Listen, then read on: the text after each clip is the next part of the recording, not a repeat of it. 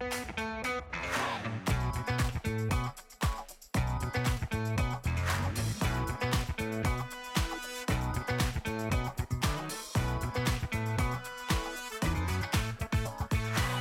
לכולם וברוכים הבאים לפודקאסט קומיוניטוק, דיבורי קהילה. הפודקאסט על אנשים וקהילה. בכל פרק נפגוש דמות או דמויות מעוררות השראה שיספרו לנו על עצמם, ולא פחות חשוב מכך על עולם הקהילה.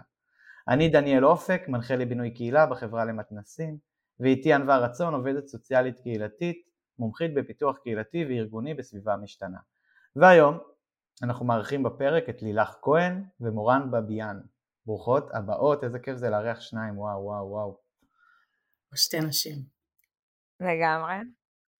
ונציג אתכן קצת, אז לילך היא נשואה לחנן ואימא לאיתן בן 14, רוני 11, הודיה בר בת 5 ושחר רז בן 9, אני לא יודעת אם זה יתהפך כי... הפוך, לא נורא. הודיה בר ושחר רז. כן. היא גרה בתלפיות הישנה בירושלים, בדירה עירונית ממוצעת עם חצר ירושלמית מטריפה, משותפת לבניין, ששדרגה במסגרת תעשו מקום, שזה סיפור מעניין בפני עצמו. בשנתיים וחצי האחרונות היא מנהלת תחום משפחות צעירות ברשת צעירים, עיריית ירושלים ובפרויקט שכונה צעירה. היא ילדת כפר שנקלעה לעיר הגדולה ואת הניסיון למצוא את מקומה במרחב העירוני הפכה למקצוע. היא חובבת פלמנקו מושבעת, האומנות הכי קהילתית שהיא מכירה. הלב שלה בעשייה לקידום חיים משותפים בין מגזרים ובמיוחד בירושלים, העיר המסוכסכת והקסומה בעולם. מורן היא רכזת שכונה צעירה בשכונת פסגת זאב, יזמת פארק טבע עירוני, נחל זמ... זמרי?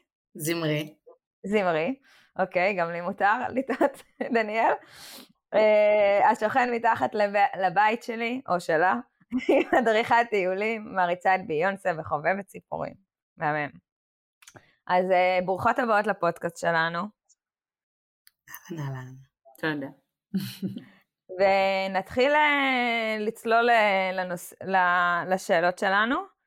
ומורן, ספרי לנו משהו שאנשים לא יודעים עלייך. טוב, אז הרבה אנשים לא יודעים עליי שאני ארכיאולוגית, למדתי תואר ראשון ושני באוניברסיטת בר אילן, ולמדתי לימודי ארץ ישראל וארכיאולוגיה. וזה אשכרה תחום שאנשים לומדים אותו, וזה אחד הדברים המעניינים, והשאלה שאני נתקלת בה כל הזמן זה, מה את עושה עם זה? אז התשובה שלי זה שאני עושה תואר לא כדי לעשות איתו משהו, אני עושה כדי ליהנות. ואם את שואלת אותי אם אני עושה עם זה היום משהו, אז קודם כל כן. אמ, והאם זה עוזר לי לפתוח אה, שיח עם אנשים על דברים מעניינים, אז התשובה היא שלגמרי כן. אה, זה אחלה נושא לפתוח עליו אה, דיון. מסתבר שזה קשור להכל, הנושא של ארכיאולוגיה, טבע, גיאוגרפיה, גיאולוגיה, פשוט מתחבר לכל התחומים שבעולם. אז תמיד כיף להיות למקום הזה, שיכול להוסיף דברים שאף אחד לא יודע. מקסים. ולילך, משהו שלא יודעים עלייך? זהו, זאת הייתה שאלה קשה, כי יודעים עליי הכל, אני די uh, ספר פתוח. אה, אבל אה, אני חושבת שלא הרבה יודעים עליי שהפנטזיה הלא ממומשת שלי זה להיות אה, צלמת של national geographic ולהסתובב בעולם בכל מיני שבטים וקהילות לא מוכרות ולהסתכל עליהם מבעד לעדשת המצלמה. אולי זה עוד יתגשם יום אחד, לא יודעת, בפנסיה. אני במקרה את עומד מולך פה בזום מישהו שאח שלו הוא היה כזה אמ, אפילו היה בפפו ניגיני וחקר קהילות, אז אה, וואו. כן, חלום מדהים. ממש. טוב, אז אה, כן, נעים להכיר אתכם, וזה היה וואחד פתיחה, אז אה, ברוכות הבאות. ונשמח שתספרו לנו איך הגעתם בכלל לעולם הקהילה, הפעם נתחיל בלילך נראה לי, וככה איך הגעתם למה שאתם עושות היום? טוב, אז אני בכלל חלמתי אה, להתעסק בתיאטרון ולהיות, אה, לא יודעת, שחקנית או במאית או משהו כזה. אה, יצאתי ככה מהאולפנה ובגלל שבמשפחה שלי לא לעשות תואר ראשון זה לא היה אופציה, אז פניתי לאוניברסיטת תל אביב וחיפשתי לימודי תיאטרון והיה שם כל מיני מגמות, משחק, בימוי, ופתאום ראיתי תיאטרון קהילתי. ומשהו בזה משך אותי והלכתי על זה. בלי לחשוב יותר מדי, כמו שצעירים עושים. ובמהלך הלימודים הלב שלי נמשך יותר ויותר אה, לכיוון של קהילה. והתגלה בפניי עולם ומלואו. עד היום הסיפור של הקשר בין תרבות לקהילה מאוד מאוד מעניין אותי ואני עובדת עם זה הרבה אבל ככה התגלגלתי לעולם הקהילה ומאז ועד היום אני שם. קצת אולי איך הגעת לתפקיד הנוכחי כזה מבחינת העבודה שלך, עיריית ירושלים וכדומה? כן, אז אה, בעצם עבדתי בכל מיני תפקידים שקשורים בתרבות וקהילה.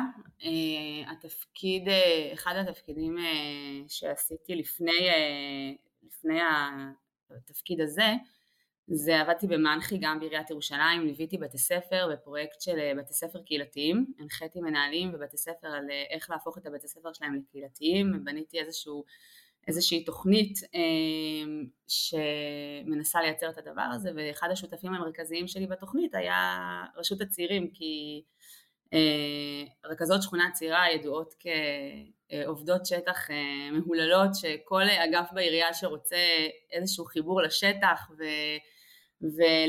וככה להניע תהליכים זה, זה בדרך כלל הכתובת, היום אני יודעת את זה מהכיוון השני וזאת הייתה גם הכתובת שלי, ובעצם אה, יחד עם אה, רשות צעירים, יחד עם מי שהייתה אז בתפקיד שלי, או הוא היה קצת שונה אז, אבל אה, מי שעשתה את זה אז, פיתחנו את התוכנית הזאת, וככה בעצם הם הכירו אותי, וכשהתפנה התפקיד פנו אליי והציעו לי לעשות את זה, ולקחתי בשתי ידיים, אני לא חושבת שהיה תפקיד שעשיתי בחיי, שתוך שנייה אני בן אדם מתבחבש, בדרך כלל נורא מתלבטת על דברים, ושוקלת ובעד ונגד וכשפנו אליי להציע לי את התפקיד הזה לא, לא, לא חשבתי לרגע והיו סיבות למה לא אבל אה, איכשהו משהו בבטן אה, קפצתי למים ואמרתי יאללה אני פה וזהו ואני פה לגמרי. כן, ככה הכרת את הארכיאולוגית הצעירה. האמת שהסיפור שלי סיפור ממש מעניין, סיפור כזה שמדבר על מהפך שאנשים עוברים בחיים בעצם הייתי מדריכת טיולים שעזבו שזה מהפך אחד גדול כי אני ילדת, אה, אם לילך אמרה שילדת כפר ששמו אותה בעיר אז אני עירוניסטית לחלוטין. החיבור ביני לבין קמפינג, שום קשר, ציפורים, שום קשר, אבל איפשהו במהלך השירות הלאומי, תואר בי רצון להיות מדריכת טיולים, אמרתי זה מגניב ועשיתי את זה. וככה מהדרכה להדרכה שאני מספרת לילדים איזה טוב ואיזה כיף זה הטבע ותראו יש לכם גם טבע ליד הבית, פתאום קולטת שוואלה יש לי מתחת לבית טבע. כל הזמן אני גורמת לאנשים לצאת החוצה, ואני רואה שאני בעצמי לא ידעתי את זה. וזה התחיל באיזה שבת אחת, שנת 2015, אני רואה עם החיות שלי לוואדי מתחת לבית, רואה עדר של צבעים, כזה, עשרה פרטים פשוט עוברים לי מול העיניים ורצים, ואני קולטת את הדבר הזה ואומרת וואו, מה קורה פה? באותו רגע רגש אחד של פספוס, אבל רגע אחד של עצבים, כאילו איך לא ידעתי את זה, למה אף אחד לא סיפר לי. אה, ומשם בעצם התחילה היוזמה שלי, רציתי להכיר לכמה שיותר אנשים מהשכונה את הטבע המדהים הזה. וככה גייסתי כמה פעילים ועוד אנשים שחובבי טבע וציפורים והתגבשנו קבוצה של פעילים והתחלנו להוריד אנשים כל שבת לנחל. אמרנו להם בואו לטיול שבת ואיזה כיף ונצפה בציפורים וקיינו משקפות והעירייה ממש תמכה בנו גם בתור התחלה, הביאה לנו תקציבים לפעילות. ואז הדבר היחיד אני זוכרת שהכי ריגש אותי תמיד זה שהצלחתי לגרום לאנשים להתפעל מהטבע. כאילו להוציא אותם רגע מהרחוב, לעשות כמה צעדים לוואדי ולגרום לה להגיד וואו זה מתחת לבית שלי איזה כיף. אבל לאט לאט ההתלהבות הזאת היא לא, זו, היא לא זו שהייתה במרכז, רק ההתלהבות של האנשים לטבע. פתאום קלטתי שהאנשים שיורדים איתי לנחל, בואנה מגוון, אני קולטת שזה השכנים שלי שבחיים לא הכרתי אותם. אחד עורך דין, אחד הוא בעלים של עיתון כל הפסגה, אחד זה מדריכת טיולים, עוד אחד זה נער בן 17. אה, התחלנו להיות שם ערבוביה של אנשים, ופתאום התחיל לרגש אותי ההיכרות ביניהם. פתאום זה שאנשים יצאו מהבית לטבע, והתחילו להכיר אחד את השני, את השכנים שלהם, אנשים מהרחוב, חלקם היה להם מלא אה, דברים משותפים בחיים, ופתאום קלטתי שעשיתי פה משהו גדול, מעבר לזה שחשפתי בפניהם את הטבע, ואני ככה עוזרת לשמר את הטבע בשכונה ובירושלים בכלל, אני גורמת לאנשים להכיר אנשים. אה, וזה מאוד ריגש אותי, ואז באותה תקופה, הרכזת שכונה צעירה שהייתה אה, בפסגת זאב, ראתה את הפרויקט שלי כפוטנציאל, וגייסה בעצם את הרעיון הזה ממש לטובת השכונה והרימה אותו. אמ, ואחרי כמה זמן התפנה התפקיד והיא אמרה לי בואי, אבל אני היססתי על זה הרבה זמן כי אני באתי ממש מרקע של הדרכת טיולים ומסע ישראלי והדרכות אה, ואמרתי מה לי ולזה, אבל זה עשה לי פרפרים בבטן שחשבתי על זה ואז הלכתי על זה כבר שנתיים וחצי. האמת היא שההגעה של שתיכן אה, לעבודה שאתם עושים היום היא ממש מרתקת על אה, מקריות שבסוף קורית, נראה לי, לחיבור העמוק או לערכים של האדם. ואני חושבת שזרקתם כאן שתי מילים כמה פעמים, שזה שכונה צעירה, ואני לא בטוחה שיודעים מה זה, וגם על זה היום באנו לדבר. אז נשמח שתסבירו לנו קצת מה זה שכונה צעירה, איך נולד אולי הפרויקט, או מה זה הפרויקט הזה. Uh, טוב, אז בעצם uh, שכונה צעירה uh, נולד במטרה לדאוג למשפחות הצעירות בירושלים ולהפוך את ירושלים לאטרקטיבית למשפחות צעירות. על כל התחומים שמעניינים משפחות צעירות, אם זה חינוך, קהילה, גיל רך, תרבות ופנאי וכולי. בעצם הפרויקט קם לפני תשע שנים והתחיל עם שלוש או ארבע שכונות, היום הוא עוד מעט הולך להיות 15 שכונות, בעצם פועל היום בכל המגזר הכללי, מה שנקרא בירושלים, נראה לי שמגזר הכללי זה מושג ירושלמי, אז אני אסביר, ירושלים היא בעצם עיר מאוד uh, ייחודית מהבחינה הזאת שהיא uh, מחולקת, יש בה מכל המגזרים באופן שווה, בוא נגיד אין מיעוטים בירושלים, אוקיי? אולי ברמת התחושה יש מיעוטים בירושלים, אבל ברמת המספר אין מיעוטים בירושלים, אה, ההגדרות לפעמים פלואידיות, אבל בגדול יש שליש חרדים, שליש אה, ערבים ושליש אה, מה שנקרא מגזר כללי, שזה כל השאר, זה בדרך כלל חילונים, דתיים לאומיים וכל מה שעל הרצף. השכונות בירושלים לא, מחול... לא כולן מחולקות, יש שכונות מעורבות, אבל רובן מחולקות והעיר די מחולקת לש... לשלושה חלקים. כשהמגזר הכללי זה, זה המגזר שבו אנחנו כרגע עובדים, אה, ואולי בהמשך נתרחב גם לעבודה במגזר החרדי והערבי בפרויקט שכונה צעירה. תחום משפחות צעירות כן כבר מתחיל להתרחב אה, בכלליותו למגזרים האחרים ולעבוד בשיתופי פעולה שונים. אה, כאשר לכל שכונה בעצם מהשכונות יש רכזת כמו מורן, אני בוחרת את הרכזות בקפידה. בדיוק כתבתי על זה איזשהו פוסט כי אני מחפשת עכשיו עובדים וכתבתי שפחות מעניין אותי התואר אה, אני לא בהכרח מחפשת עובדים קהילתיים או אה, זה, זה תפקיד אה, ראשוני יחסית, לא בהכרח מחפשת תעודות מסוימות או ניסיון מקצועי מסוים, אני מחפשת אקטיביסטים או אקטיביסטיות בנשמה, אנשים שלא יכולים להסתכל, לראות עוולה בלי לקפוץ ולעשות משהו, מהסוג של אנשים שלא מתלוננים אלא באים, עושים, יוזמים, אנשים שקהילה זה משהו שהוא בבטן שלהם, שהם יצורים קהילתיים, יצורים חברתיים, יצורות חברתיות וקהילתיות, אנחנו צוות נשי ברובו, חייבת לציין, וזה הנשים שנמצאות אה, אצלי בצוות ועובדות בשכונות בירושלים, כשאנחנו עובדות ב... אני יכולה להגדיר את זה שלוש, שלושה צירים מרכזיים, אה, ככה כדי לקצר ואם תרצו עוד אני ארחיב, אחד זה קהילתיות ובינוי קהילה, מתוך הבנה שמשפחות צעירות צריכות את המרחב הקהילתי, את הרשת ביטחון הזאת, את, ה, את התחושת שייכות הזאת, זה, הדבר, זה אחד מהדברים הכי משמעותיים, כי משפחה צעירה ביום שאחרי הלידה, גם אם היית בן אדם הכי מרושת אה, והכי חברתי וכל יום יצאת לפאב אחר והיו לך מיליון חברים אה, מכל הארץ, ביום שאחרי הלידה אנחנו מזה, מזהים, מזהות שהתחושה הכי אה, משמעותית אצל הורה או אימא או אב צעיר, צעירים, זה תחושת בדידות, תחושה שאת לבד פתאום. אה, בתוך הדבר הזה, את והיצור הקטן הזה שאת צריכה לנסות להבין מה את עושה איתו, ופה הסיפור של קהילה הוא סופר משמעותי, אנחנו מסתכלים אה, אחורה לשבטים, אה, אמרתי שהייתי רוצה להיות אנתרופ... צלמת זה, אז, אז, אז שמה אפשר לראות את השבטיות ואיך היא מגנה ושומרת על האימא בסיטואציה הזאת, ואנחנו במיוחד במרחב העירוני אין לנו את הדבר הזה בכלל, ואנחנו קצת מנסות ליצור את זה, אה, וזה בעצם, כשאני אומרת קהילתיות אני מתכוונת ממש לקהילתיות במובן הישן של המילה, אה, קהילות גיאוגרפיות, קהילות חיים. הדבר השני זה אקטיביזם, אנחנו מאמינים שאנשים שהם משפיעים על המרחב חיים שלהם, הם גם אה, ירגישו יותר שייכים ותחושה של בית. אני תמיד מספרת על ה placemaking, תעשו מקום שעשינו פה בחצר, שאצלי בבית אה, הילדים מסתובבים עם פופאיז אה, וזה הדבר הכי דוחה בעולם ומדביק לי את כל הבית ו, ו, והם, הם, ואני יכולה להגיד להם עשר פעמים ביום אני לא אקנה לכם יותר את הפופאיז הזה אם אתם תמשיכו להדביק את זה, אני כמובן תמיד קונה והם תמיד ממשיכים להדביק לי את כל הבית כי אני תמיד אומרת אני עושה פה הכל בבית.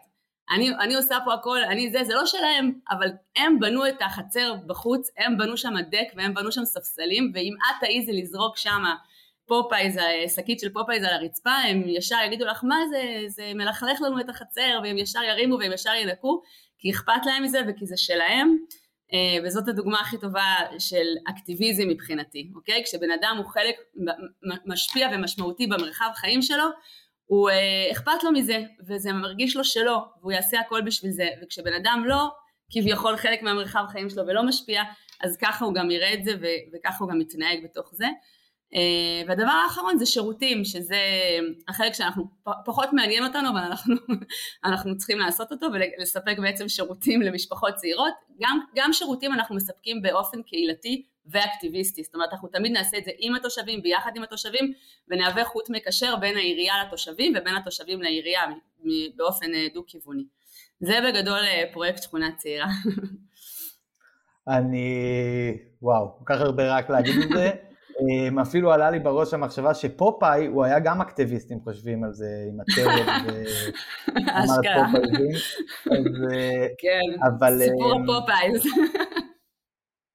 בעיקר מאוד כיף לי לשמוע שרשות אה, מקומית שמה את הקהילתיות ואת האקטיביזם כשתי הדברים העיקריים ואז אומרת שירותים, כאילו השירותים זה אין ברירה אז חייבים כי בדיוק עכשיו אה, שמעתי קצת פודקאסטים אחרים, ושמעתי את הפודקאסט של בלה אלכסנדרו, והיא ראיינה אה, מנהלי אגפי קהילה. וזה היה אחלה פרק, אבל, אבל קצת הפריע לי שם שהרבה מאגפי הקהילה שקמים היום, אה, לפחות ככה בתחושה שלי, אה, הם רואים את, הש, את השירות, הם, הם רואים את עצמם כקשרי קהילה, ודווקא פה נתת איזשהו פן אחר, וממש דיברת על איך הופכים אותם להיות חלק אפרופו. לא, רק רציתי להגיד שהיכולת שלנו באמת לעשות את זה בצורה מיטבית זה הרכזות שכונה צעירה שנמצאות בשטח. יש לנו כוח מטורף בתוך השטח שמורן יכולה להעיד, הן מכירות תושבים בשמות, אין תושב שלא מכיר את רכזת שכונה צעירה, היא סלב מטורף בשכונה וזה הכוח שלנו בעצם בתוך השכונות. אני חושבת שהרמת עכשיו בדיוק להמשך, אה, כי נתת לנו ממש לראות ברמת ה... יותר ארגון והעירייה מה זה שכונה צעירה, ומורן שהיא כאן והיא אה, הרכזת כמו שהיא הציגה את עצמה, אה, יכולה לספר לנו איך שכונה צעירה באמת באה לידי ביטוי בשכונה עצמה. וואו, טוב, אז uh, השכונה שלי זאת השכונה הכי גדולה בירושלים, שכונת פסגת זיו, 45 אלף תושבים, שזה לא קל לעשות עבודה קהילתית במרחב כל כך, קודם כל מגוון וגדול פיזית, גיאוגרפית, אז מה שאנחנו עושים, בעצם המטרה שלי, כשנכנסתי לתפקיד, אני רציתי שלכל משפחה צעירה בשכונה, תהיה איזשהו מעגל שהיא משתייכת אליו.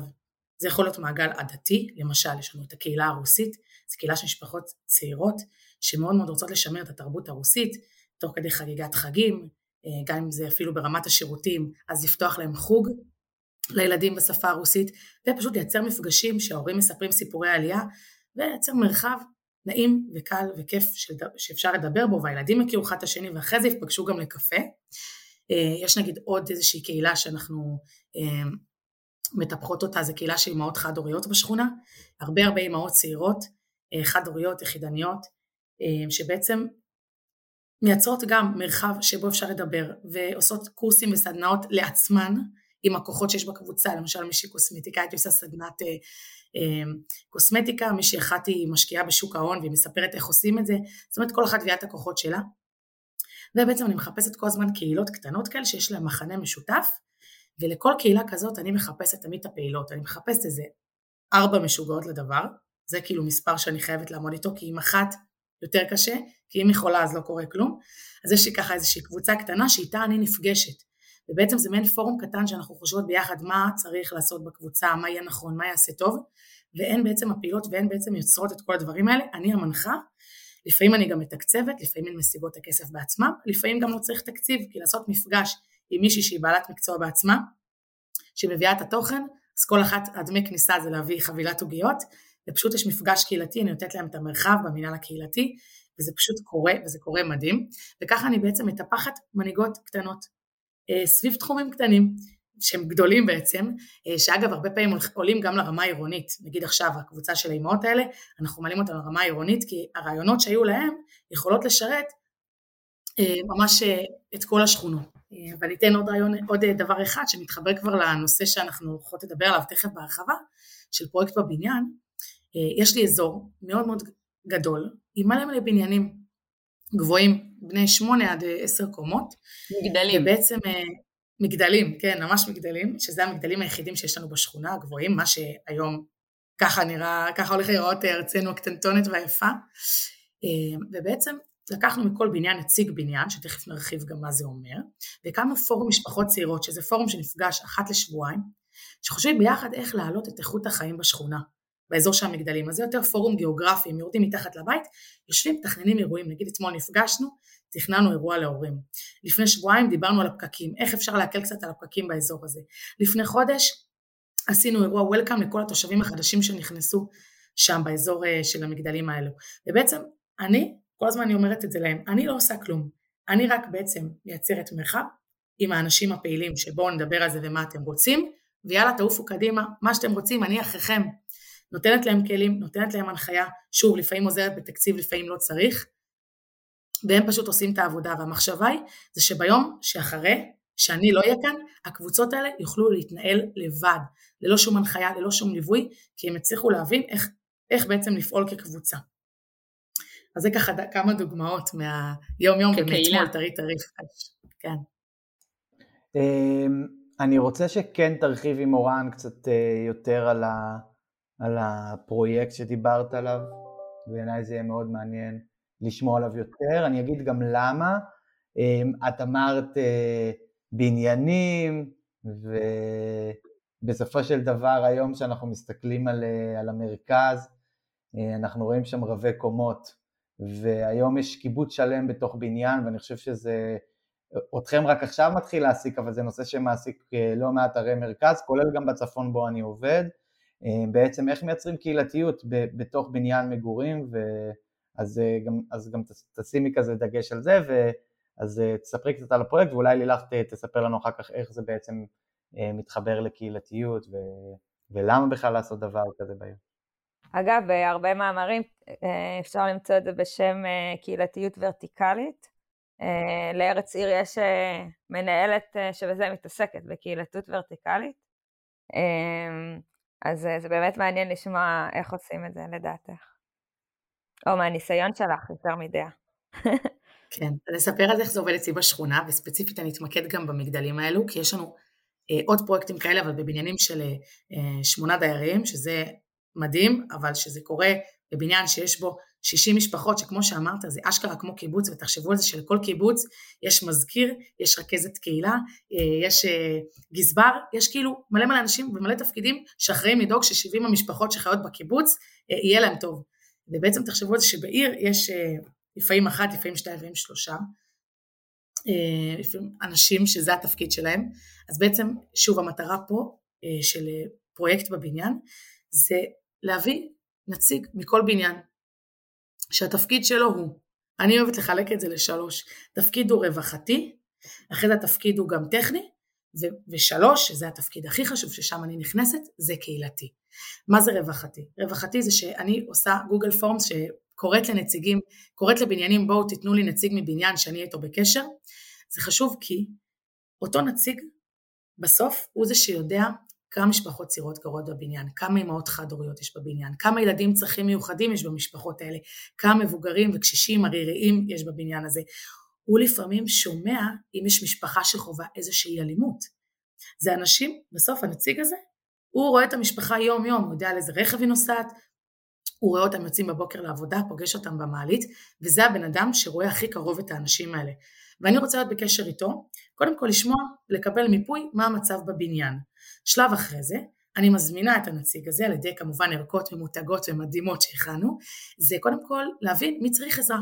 חלק מהעזרה אפשר לפתור ברמת הבניין, חלק מהעזרה אפשר לפנות למינהל הקהילתי או לעיריית ירושלים, שם אנחנו נותנים כל מיני דברים. למשל, התקשרה אליי אה, נציגה בתקופת הקורונה וסיפרה לי שיש לה קשישה ערירית בבניין, שהיא הולכת ודופקת לה כל יום בדלת לראות שהיא בסדר והכל, אבל היא אומרת לי, מורה, אני אשמח אם אולי יהיה עוד איזה משהו, עוד מישהו יבוא לעשות את זה. אז אמרתי לה, מדהים, בדיוק יש לנו פרויקט של סחי, שמחלקים עוגה ומרק חם לקשישים, זה היה כזה בחורף, ואחרי שבוע הקשישה קיבלה דפיקה על הדלת עם מרק ועוגה, והייתה ממש ממש התרגשות, ואני חושבת שזו הצלחה של הנציגה, כי היא זו שהעלתה את זה, את הצורך הזה, ואני חיברתי אותה לפרויקט שכבר קיים של בני נוער שמחלקים. זה נגיד דוגמה אחת, דוגמה שנייה זה אם יש משפחה שיש ילד עם צרכים מיוחדים, אז יש הרבה דברים שהוא יכול לקבל דרך המנהל הקהילתי, דרך עיריית ירושלים, ולא תמיד הם יודעים על הדברים שהם יכולים לקבל. אז בעצם הם כשגרירים שלנו, כצינורות שלנו להעביר מידע ולקבל מידע ולהבין את הצרכים מהשטח. זה אחד. שתיים, זה דבר שאני פחות מתעסקת בו, כל הסיפור של, תחשבו על ועד בית וועד בניין, יש לפעמים מריבות, מי טפטף את הזבל, מי לא שילם ועד בית, כל מיני תשלומי דיירים ודברים כאלה, אז הרבה פעמים הנציג הוא יכול להיות ועד בית, אבל יכול להיות גם תפקיד אחר שהוא לא הוועד בית, אבל הוא עוזר לגשר בין שכנים, לדאוג לתשלומי דיירים, או למשל השבוע שעבר קיבלתי בקבוצה וואטסאפ של נציגי בניין, מישהי שלחה טבלת אקסל מסודרת, איך הם מסדרים את תשלומי הדיירים, היא אמרה קחו לנוחיותכם, ואת הדבר הזה היא מעבירה למאה נציגי בניין, וכולם כותבים לה וואי תודה תודה תודה תודה תודה, הקלת עלינו. ועכשיו אני עוברת לדבר השלישי והכי חשוב חברים וחברות, אני רוצה שאנשים עולים במעלית לבית שלהם, לא ישפילו מבט, או יתעסקו בטלפון, שיגידו שלום, ומה זה שלום? שלא ירצו לרדת במעלית. והדבר הזה קורה. אצלנו בשכונה פסגת זאב, זה שתי רחובות, אה, יום טוב אסיס ומשה הלוי, אה, התושבים מספרים שהם עולים במעלית וממשיכים משם לקפה. הם עולים עם הילדים והולכים לחצר של השכן. ואיך הדבר הזה קורה? אז קודם כל זה ממש התחיל מהם. היו לי שם קהילה של חבר'ה אקטיביסטים, אני הצטרפתי בעצם לתוך העשייה שלהם, הם התחילו את זה לבד, זה ממש נדיר, זה בדרך כלל לא קורה בעוצמה הזאת. זה ברמה שאם דיברנו על אה, נשים אחרי לידה, אז הייתה שם מישהי שילדה תאומים לפני איזה שנתיים, וחודש היא לא בישלה. חודש היא לא בישלה, כי כל יום דפקו לה בדלת, הם עשו סדר, כל השכנים, מי מביא מתי, לקחו לה את הילדים לביביסיטרים, הביאו לה אוכל, ישבו איתה על קפה, והדבר הזה, אני רוצה להגיד, זה משנה חיים של אנשים. זאת אומרת, זה מהמקום הזה שאתה יכול להיות הכי בודד בעולם, הכי בודדה בעולם, עד לחיבוק גדול שיש לך כל היום, ואני מדברת איתכם, תחשבו איזה קל זה לרדת לשכן, זה לא לנסוע לחברה, יש לי חברה שגרה ברמת גן, אחרי החופשת לידה שלה, זה הצריך ממני תעצומות, ללכת, לבשל, לנסוע אליה שעה, לחזור, שזה השכנה שלי, זה כאילו אמור להיות הכי ברור מאליו. אם נחזור נגיד 50 שנה אחורה, הדברים האלה היו קורים באופן טבעי, אבל מה לעשות, היום זה כבר לא אה, טבעי, אז אנחנו צריכים לייצר כל הזמן טריגרים. איך אני מייצרת טריגרים כדי שהשכנים ייפגשו? אז אה, תכף מגיע חנוכה, ואנחנו אה, במסורת שקוראים לה בניין מדליק, אנחנו מכינים ערכות, ערכות שוות, כן? אה, אולי תקבלו גם ערכת התנסות, שתבינו על מה אנחנו מדברים כאן. בעצם ערכה שיש בה חנוכיה, נרות, קצת משחקים לילדים, לפעמים עוד קצת קלפים. אני מוציאה הרשמה לנציגי בניין, הם נרשמים לי, באים לוקחים את הערכה, בערכה יש גם שלט גדול שהם תולים בבניין, חברי הבניין היקרים, אינכם מוזמנים לדלקת נרות ביום רביעי בשעה שמונה, בואו עם הילדים ועם משהו טעים. ואז כולם יורדים ביום רביעי בשעה שמונה, השכנים שאף פעם לא הכירו אחד את השני, יורדים עם סופקניות, עם לביבות, וכל הילדים בחמולה, יושבים, משחקים ומדברים. ואז כבר הקהילה הזאת לא זרה. חבר'ה, זה אנשים שהופכים להיות חברים, ובואו אני אספר לכם שאצלנו גם זה ברמה העסקית, יש לנו הרבה שיתופי פעולה עסקיים בתוך בניינים, בעלי עסקים שמתחברים ובעצם עוזרים אחד לשני, בין אם זה עורכי דין בתחום האוכל, רק אתמול שמעתי איזשהו, אה, איזשהו פרויקט שיצא לפועל של שני בעלי עסקים שגרים באותו בניין, שבזכות אותם הדברים, הטריגרים שאנחנו מייצרים להם של להיפגש למטה, הם מתחברים, כי לפעמים צריכים להגיד לנו בואו נדבר, לא תמיד אנחנו ישר מתמנגלים עם השכנים. ברגע שיש משהו חיצוני שמגיע, אז כבר יותר קל ומשוחרר. רציתי לשאול שאלה שאולי תאתגר אתכן קצת, כי בעצם אתם, אה, מה שאתן אומרות, שאתן משתמשות אה, בקהילתיות כשיטה. כי המטרה בעצם של אה, עיריית ירושלים זה להשאיר צעירים בעיר, נכון? ולעשות מקום שהוא טוב יותר ונעים יותר למשפחות צעירות כדי שהם יגיעו או יישארו, אז הקהילתיות היא השיטה בעצם לייצר את המטרה הזאת. ורציתי לשאול האם אתן מצליחות עם המטרה. כלומר, האם אתם יודעות מה קורה באמת עם המשפחות של הצעירים? אמ, תראי, קודם כל שנייה, אני יכולה לחזור דקה אחורה ולהגיד שאני... כן, כן, בטח. ישבתי פה כמו אימא גאה לשמוע פשוט את מורן אה, מספרת על פרויקט בבניין שהוא באמת פרויקט מאוד מרכזי שלנו והוא ככה מדם ליבי ו... ו... ונשמתי, אה, אז אה, היה לי כיף נורא להקשיב לא יכלתי לספר על זה יותר טוב ממנה. תראו, יש לנו, אנחנו משתמשים כמובן בכל מיני כלים אה, כדי למדוד את ההצלחות שלנו אה, בתוך הדבר הזה, אני חושבת שאנחנו מצליחות, כן? אני חושבת שהקהילתיות היא שיטה, אבל היא גם אה, המטרה בפני עצמה. אני לא, אני לא מפרידה בין, בין השניים, נכון, יש לנו מטרה להפוך את ירושלים אטרקטיבית למשפחות צעירות, אבל הסיפור, הסיפור הוא זה, הסיפור הוא שאנשים טוב להם לחיות בקהילות, אנשים טוב להם להרגיש שייכים, אה, ולכן פה הקהילה היא גם מטרה, ואנחנו רואים את התוצאות בשטח, אה, גם אה, אנחנו מודדים את התוצאות, יש לנו סקר צעירים פעם בשנתיים, ואנחנו מודדים גם את רמת הקהילתיות ותחושת השייכות וכולי, לצד שביעות רצון משירותים כאלה ואחרים, שזה גם חשוב.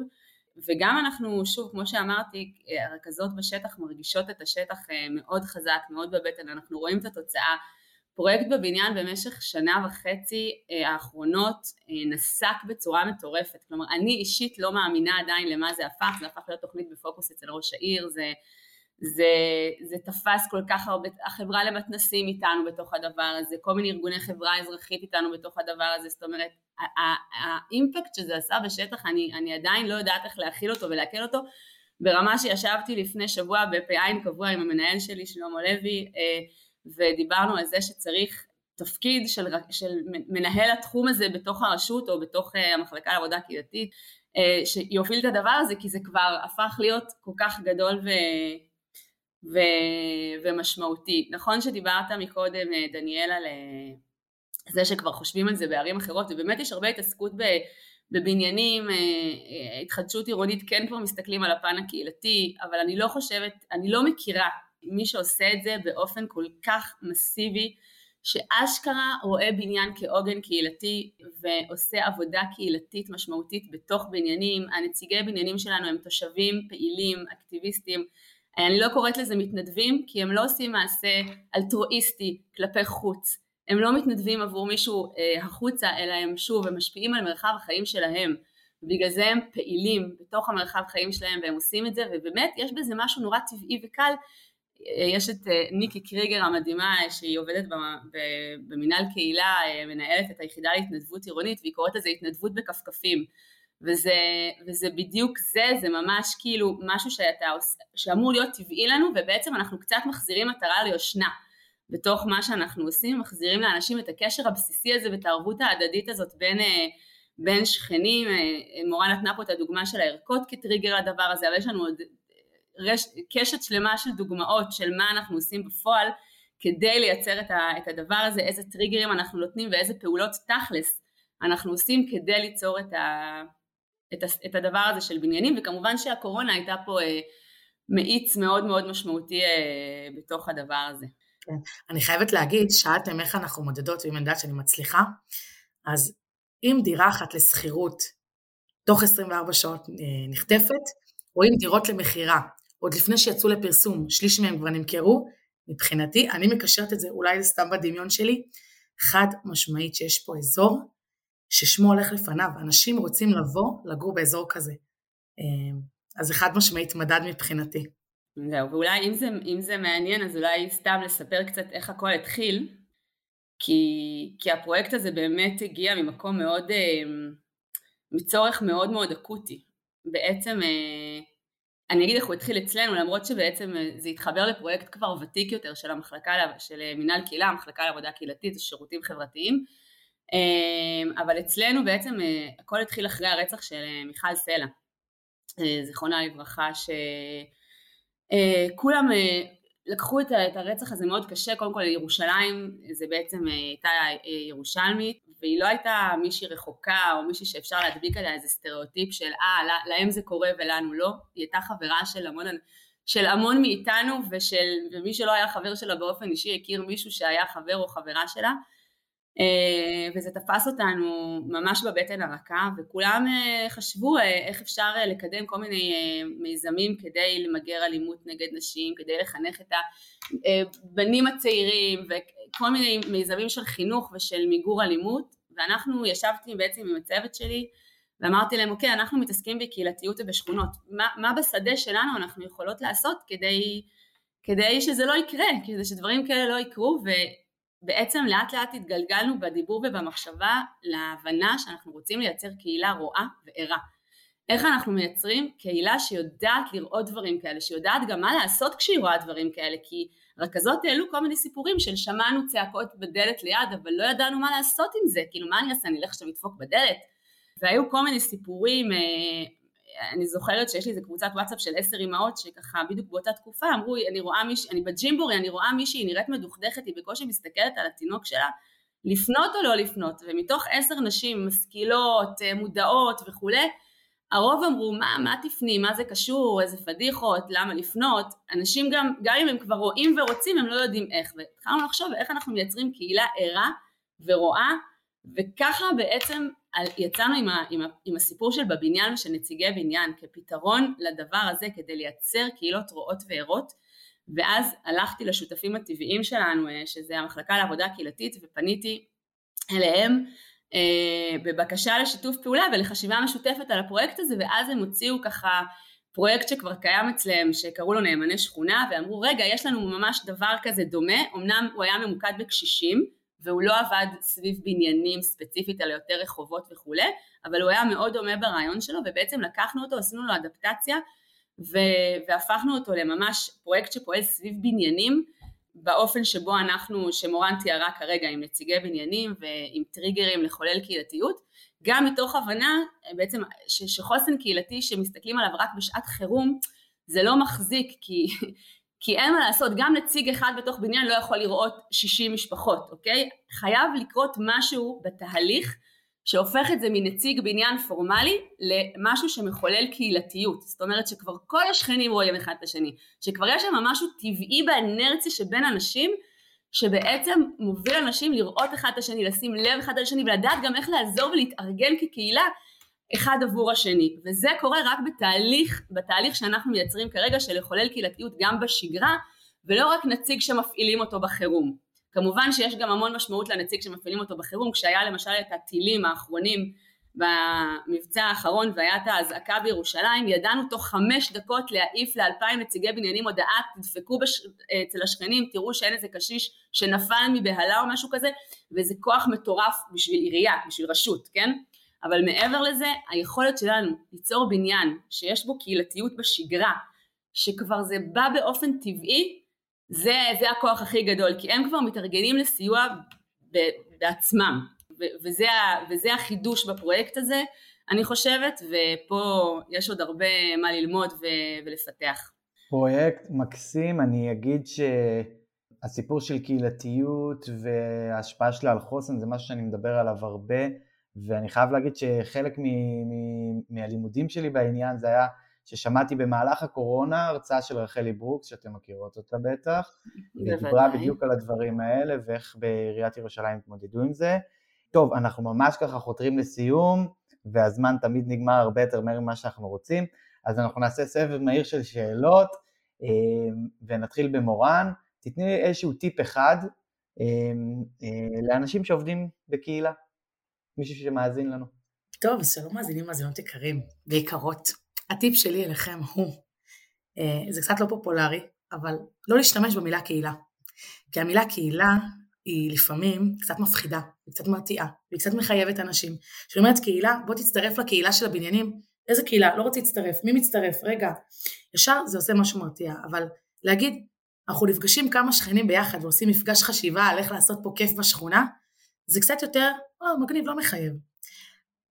ההתחייבות שלהם תבוא אחר כך. פשוט אני הבנתי שכשאני משתמשת במונחים של פעיל, קהילה, המנהיגים, זה מאוד מחייב, ולפעמים זה מלחיץ אנשים, ואנשים שעובדים מסביב לשעון, להגיד להם שהם פעילים בשכונה זה מלחיץ. אחרי שאני כבר מביאה אותם אה, להיות פעילים, שהם לא יודעים שזה הכותרת, שזה, הם, זאת אומרת הם יודעים, כן, אני לא עובדת על אנשים, אבל אחרי זה מבינים מה הם עושים, כי לפעמים אנשים לא מבינים מה יכולת ההשפעה שלהם וכמה משפיעים בדברים הקטנים שהם עושים. כן, אז, אז זהו, הטיפ שלי הוא לדבר בגובה העיניים, במילים פשוטות, וזה מבחינתי... טיפ מדהים ואני אקח אותו אה, לעצמי, תודה. ומורן, אני חייבת להגיד שאני מתאהבת בך בפודקאסט הזה, ואם הייתי צריכה לנחש, הייתי מנחשת שאת למדת תיאטרון קהילתי. את כל כך תיאטרלית, שזה משהו.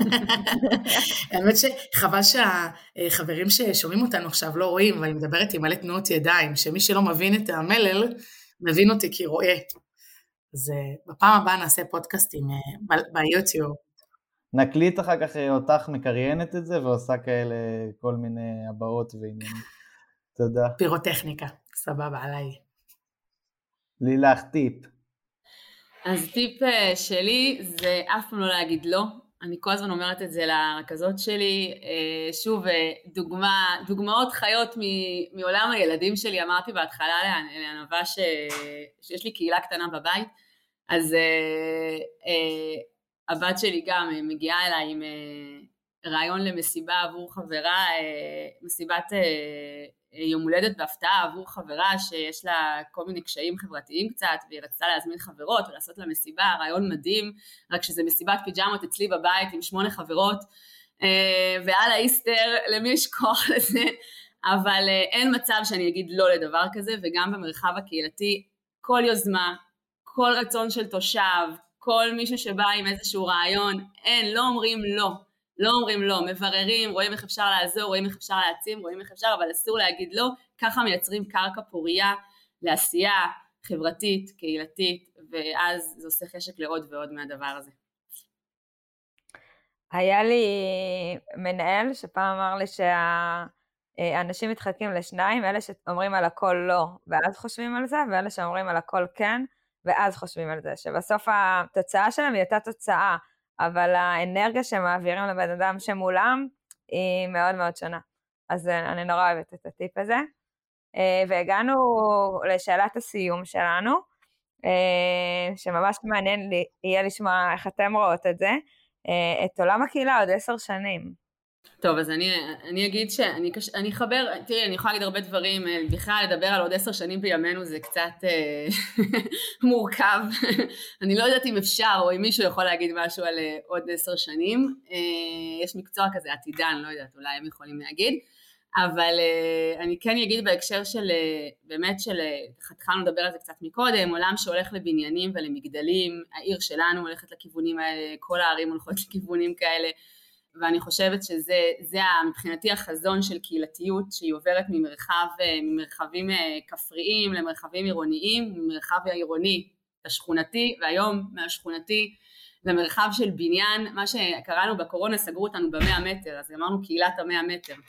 אה, זה הופך להיות קהילות מאה מטר אם נסתכל על מגדלים ונדע באמת לבנות בהם קהילות ולפתח עולם ידע סביב הדבר הזה של לראות מגדל כזה של 60, 70, 80 משפחות כיחידה קהילתית, כמו יישוב, אני קוראת לזה תמיד המודל היישובי, כי אני גם באה מיישוב, ואני ככה, זה התפיסת עולם שלי, והקהילה שגדלתי בה היא קהילה יישובית, וזה היה משבר גדול מבחינתי כשהגעתי לעיר הגדולה, כמו שככה כתבתי לכם בהצגה העצמית, ובאמת אני לומדת איך לחבר את הסיפור הזה לתוך העירוניות, לתוך המרחב העירוני, ואני חושבת שזה העתיד, לדבר על מגדלים, ואיך אנחנו באמת בונים בתוכם יחידות כאלה של קהילות, זה, אותי זה מרתק ואני חושבת ששם אנחנו צריכים להיות היום לפחות בסיפור של עירוניות.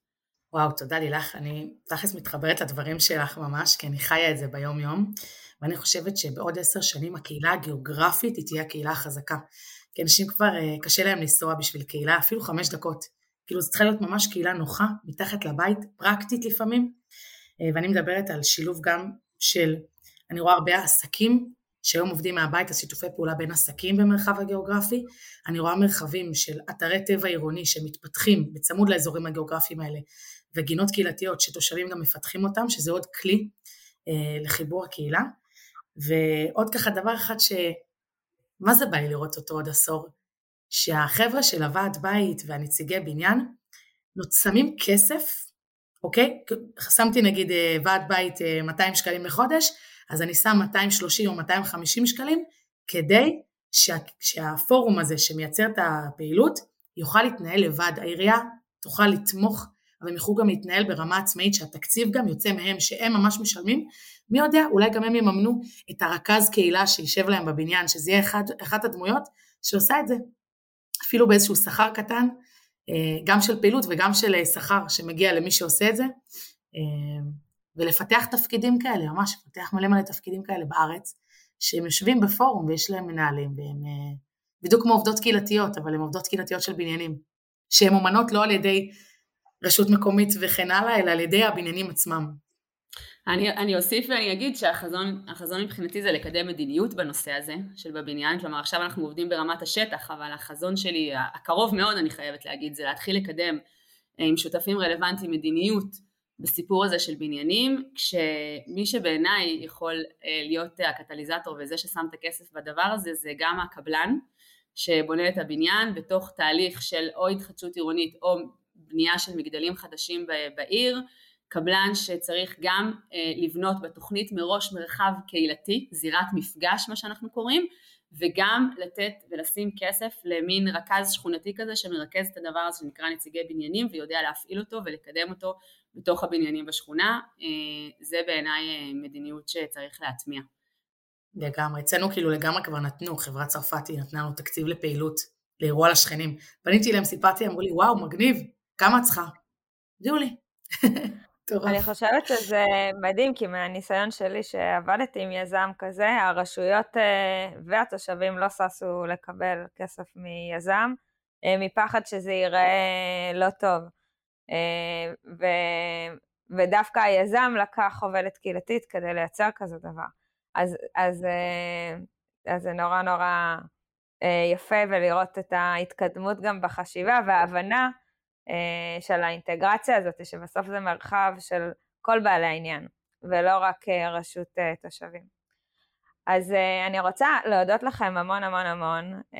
נספר ככה שמורן יזמה את הפרק הזה והתקשרה וסיפרה על היוזמה המדהימה הזאתי, וביחד ניסינו לראות איך מהנדסים את זה ועל מה לדבר, ומורן הציעה להביא גם את לילך. להזמין גם את לילך, ובאמת שנראה את הנושא של שכונה צעירה גם מהמקרו יותר, מהרשות, אבל גם איך זה בפועל אה, בא לידי ביטוי, וזה היה לדעתי אה, רעיון אה, מדהים.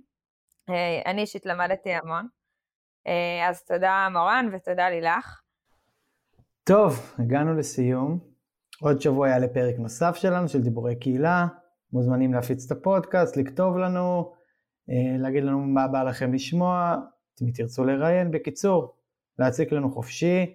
יש לנו גם ערוץ שנקרא דיבורי קהילה, אה, ערוץ בטלגרם, שאנחנו מעלים שם תכנים אה, שקשורים לעולם הקהילה, וגם דברים שקשורים לפודקאסט, תצטרפו, שווה ביותר.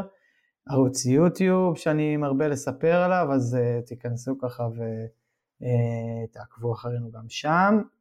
ודבר נוסף וחשוב ביותר, Uh, הפודקאסט הזה, אני לא יודע כמה אתם יודעים, אנחנו מדברים על זה לפעמים, אבל הוא התחיל uh, בעקבות איזשהו מיזם שלי ושל ענווה, שנקרא דיבורי קהילה, uh, שהקמנו במהלך הקורונה קבוצה של משתתפים, uh, של כל מיני אנשים שעובדים עם קהילות, ונוצרה לנו איזושהי קהילה מהממת כזאתי, ובעצם המשתתפים, לפחות חלקם, uh, החליטו להקים איזשהו מיזם שנקרא בופה קהילה.